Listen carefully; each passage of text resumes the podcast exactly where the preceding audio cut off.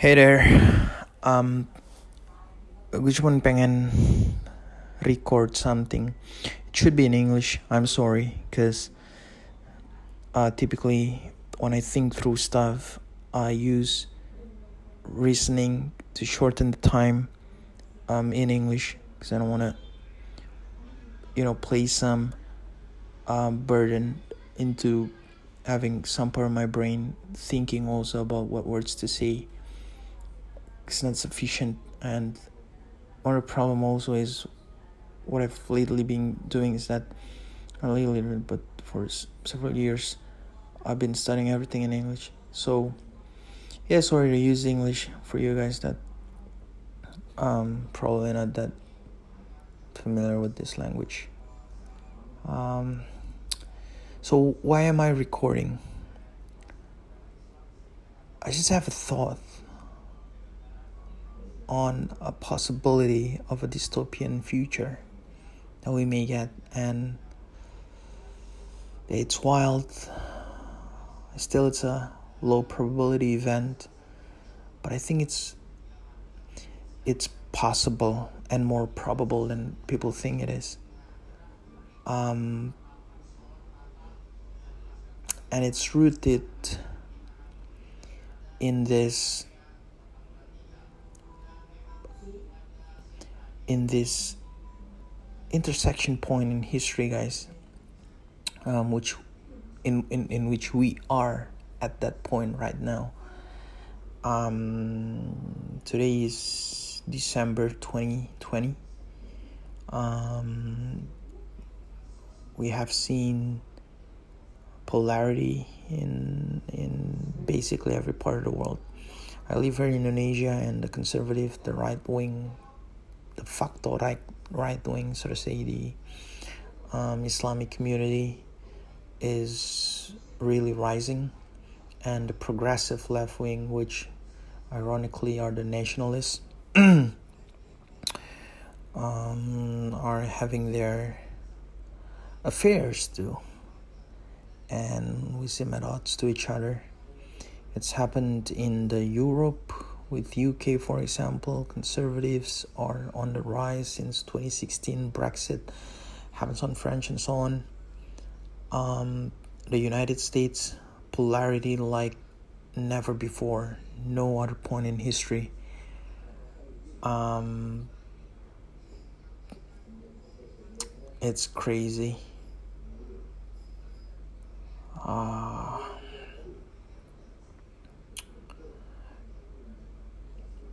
it's crazy. But at the same time it's not it's, it's probably not that crazy. Because we are indeed at the point of history. If we study from them um, that we that we should see these type of things emerge. Um, crisis happens because we're in the probably seventh or eighth inning of the um, monetary long-term debt cycle um, in which we have been beginning to print money since 2008 and because of the mechanism of QE quantitative easing the money trap in the financial system doesn't get really distributed to society. And society also because of a shock they decided not to consume uh, a lot and decided to pay back loan um, leading up to a relatively disinflationary environment. Um, i think in some parts of the world it's already deflationary. Europe japan um, and now what's crazy to counter that, they print a lot of money as a react reaction function to what happened really. And what it leads to is a bigger bigger inequality happens in society. And the you know the rich getting richer the poor getting poorer, relatively speaking. Um, and are, they're not doing okay since like the 80s, based on some data on the United States. And yeah, you know, I, I would have, I, I cannot assume the same is happening all over the globe, but uh, but for sure is the inequality rising and money printing is on the rise and that will lead to financial repression um, for the bottom half of the people economic wise um, it will lead to more populism. Um, it's going to be on the rise. Um, you know like we have seen communism on the rise, man. We have seen, you know, far left progressive on the rise. At the same time, we have seen conservatives on the rise because people are longing for that, you know, strong institution kind of, um, kind of, you know, as a way out. Uh, but at the same time, people just um, don't want the elite to control anymore. So so we get this this uh, unfortunate uh, mechanism um, that's been in place. Uh, the and what we see is the intertwine between politics, um, simple psychological anal- analysis of the society and economic reality um, intertwined this way and what you see is yeah what you see right now. It's very unfortunate but uh, it happens again and again across history. Now i don't want to get into the details right now about how do we get here. Um, but for your knowledge um, it should be in a nutshell like this. Typically, when we are in a prosperous period, coming out of the crisis, it's it's all cycle, guys. Coming out of the crisis, um, we have strong institution, etc. But individuality slowly is rising um, because you're getting richer. it's simple and you think more freely and it's just the nature. You you you, you sort of bet bet more on yourself um, and while you are getting richer and richer you are getting being more progressive um, and eventually um, the cycle leads into sort of an overheat of economy um, because you you you be you you lose your sense with the credit. Um, when you lose your sense, you ended up um, forcing the government to change its monetary system from typically a a, a, a backed by hard asset um, monetary system into more loose uh, monetary system and into eventually complete fiat money that will unfortunately enables them enables the government to print more and it will lead to um, unfortunately greater inequality um, as a, as a consequence. Now what happens is when greater inequality happens um, there's a high risk for crisis and if you ask me honestly why, the simple reason is envy. Unfortunate I say that because I can't believe human civilization is so prone to that, but it's just human nature. Do, do you really want to know what's the number one, almost the most, I think it's the most correlated variable to man to man genocide or man to man murder um, in a particular localities in a particular uh, location, whether it's um, a city or or a, or a country or a continent, whatever. The highest correlation is between economic inequality to this mass murder that we got. Male to male murder. It's the highest correlated it, it's it's crazy to believe guys but but it's the truth and you know it happens in a small scale and what happens in a large scale is we got revolution and war and it's very unfortunate because as far as i'm concerned i read some psychology textbooks but uh, if you check the the sort of the glossary or the index for that you you won't find envy uh, on the textbook. So as charlie munger put it he said there is a hole in the psychology psychology department of even a major academia uh, major academic institutions um, which I think it's true but uh, yeah you know so that um, inequality leads to higher envy and envy and envy, and it fuels itself into uh, bad things. And after a revolution, what typically happens, it coincides um, with an economic crisis because now the government is overly in debt. The private institution first is overly in debt government trying to save it, but they ended up losing.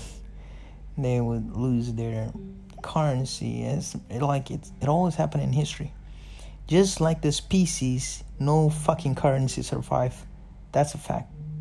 Okay, not of course not everything, but 99% of currency didn't survive. Even for the same country, many times they have to print or they have to come up with another currency because the previous one just loses value. Um, so that to keep in mind.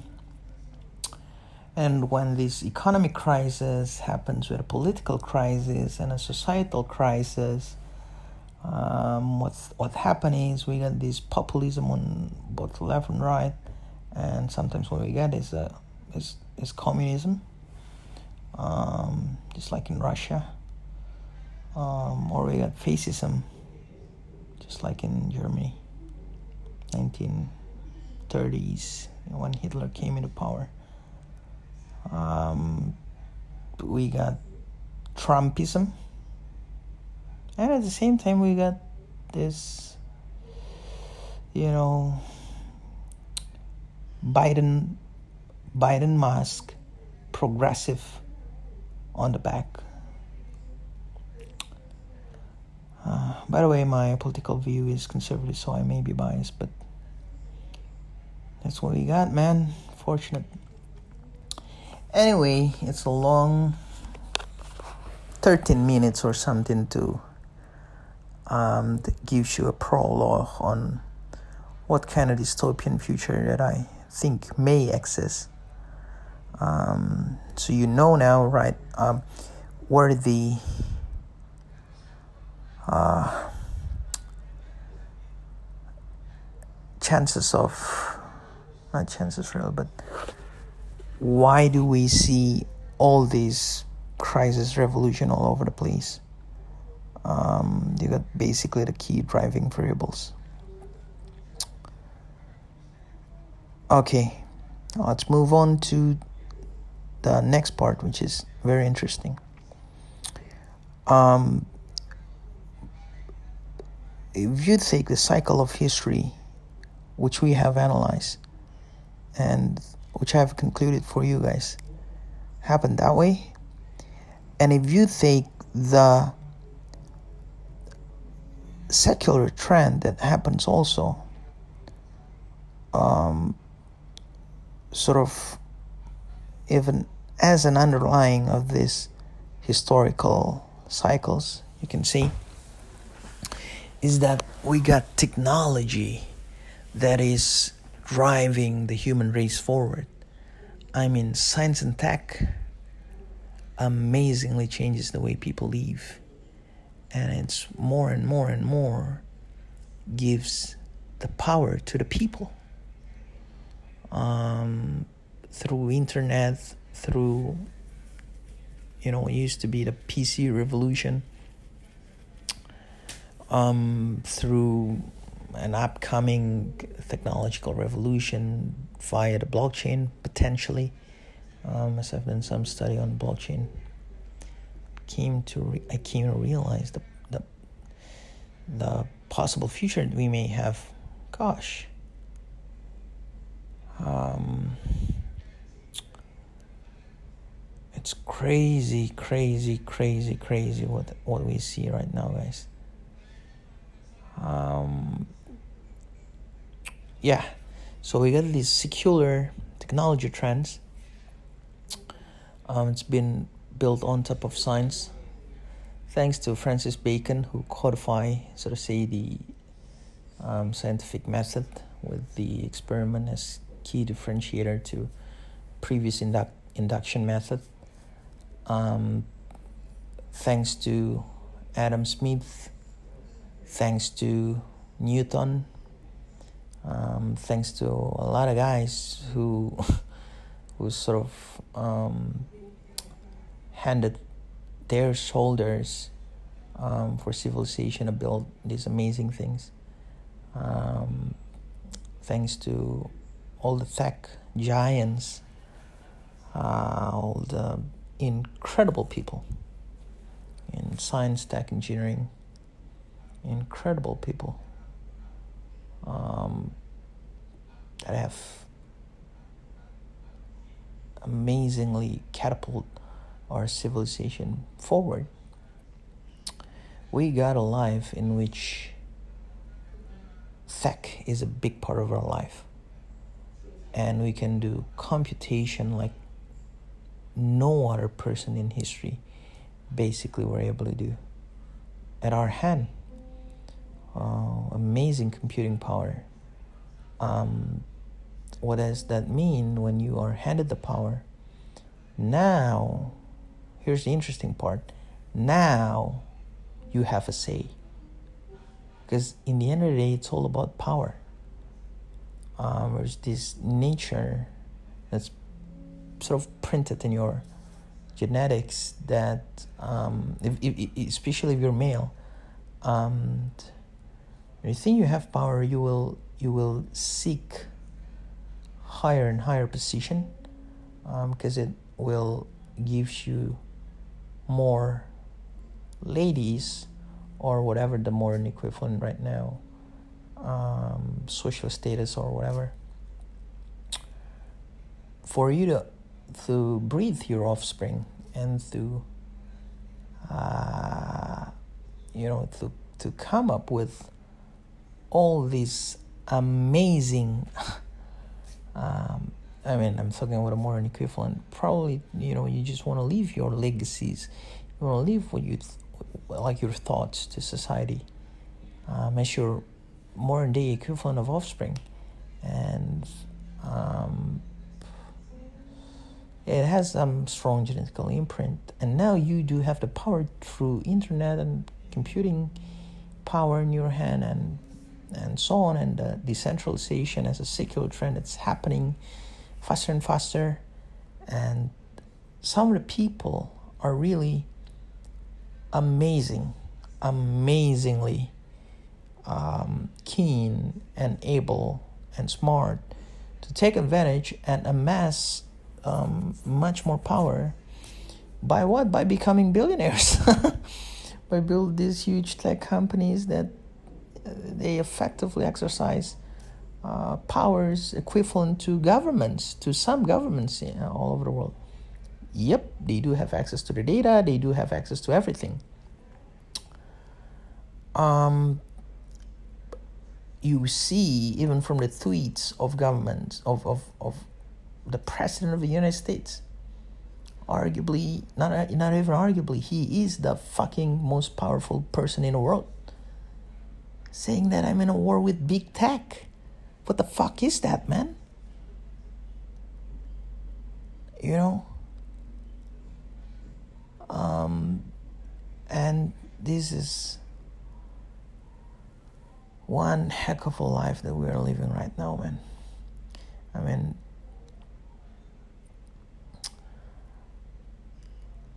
anyway, if so, what differentiates this point in history to the previous ones? As Mark Twain wisely said, um, history doesn't repeat itself, but it rhymes. So, true, we do have this cyclical uh, rhymes, but it happens in the context of a underlying secular trends of decentralization and so on.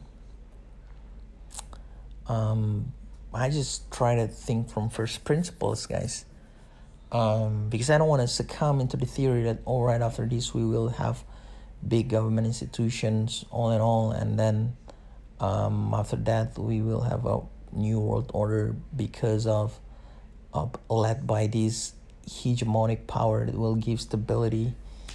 Um, I don't I don't really buy that reality because I can see the seeds that may change that reality. Um, for example, uh, let me give you a point of view. I, I was thinking uh, before the conversation to to to sort of uh, quote Lee Kuan Yew when it gives you his perspective on on how this governance thing can be done. He said, "I don't give a damn about theory. I don't give a fuck. I think from first principles. When I when I lead Singapore, I don't give a damn about all these theories. Now I studied them, he said. Um, but I think from first principles. What do I need? Political stability. Because otherwise, how come the economic flourish and uh, the economy flourish and people can live together like they can't? So I need political stability. What do I need? I need to invest heavily in the people because Singapore doesn't have any resource whatsoever. So human capital is the only investment that is able to do.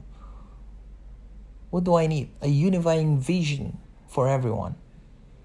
So he said, I want to create the first or the first world oasis in a third world, between the third world countries.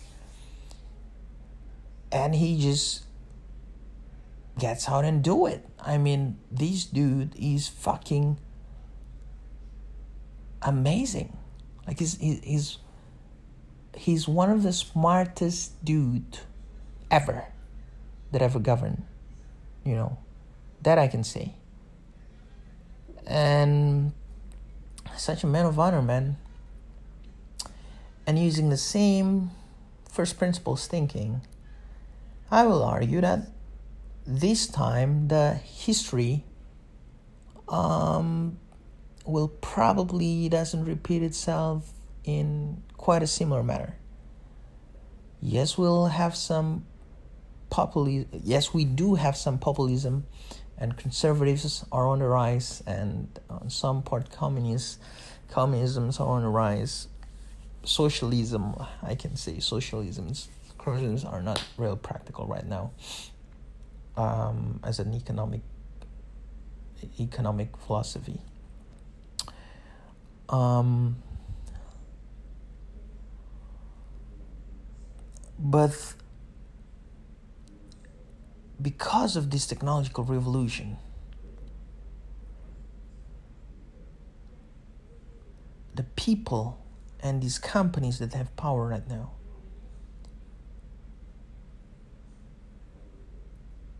there may be possibilities on people not saying, okay, I need strong individual, strong power to give me back my independence and prosperity and so on in a government. But they may say, fuck, I'm going to do it myself and I'm, I'm not going to trust the government anymore. You know? and I've been studying blockchain really deeply lately And I said, dude, the decentralization things is really, really big and happens in a huge, huge, huge manner. Um, that I would almost bet that people will will get caught by surprise with what's coming. And it will just accelerate this trend of people saying fuck you government and we will probably have a government less society in the future in some part of the world. Um, it's a it's a strong possibility right now. It's I would say on a global scale it's still a low probability event. Um, but it's fucking possible.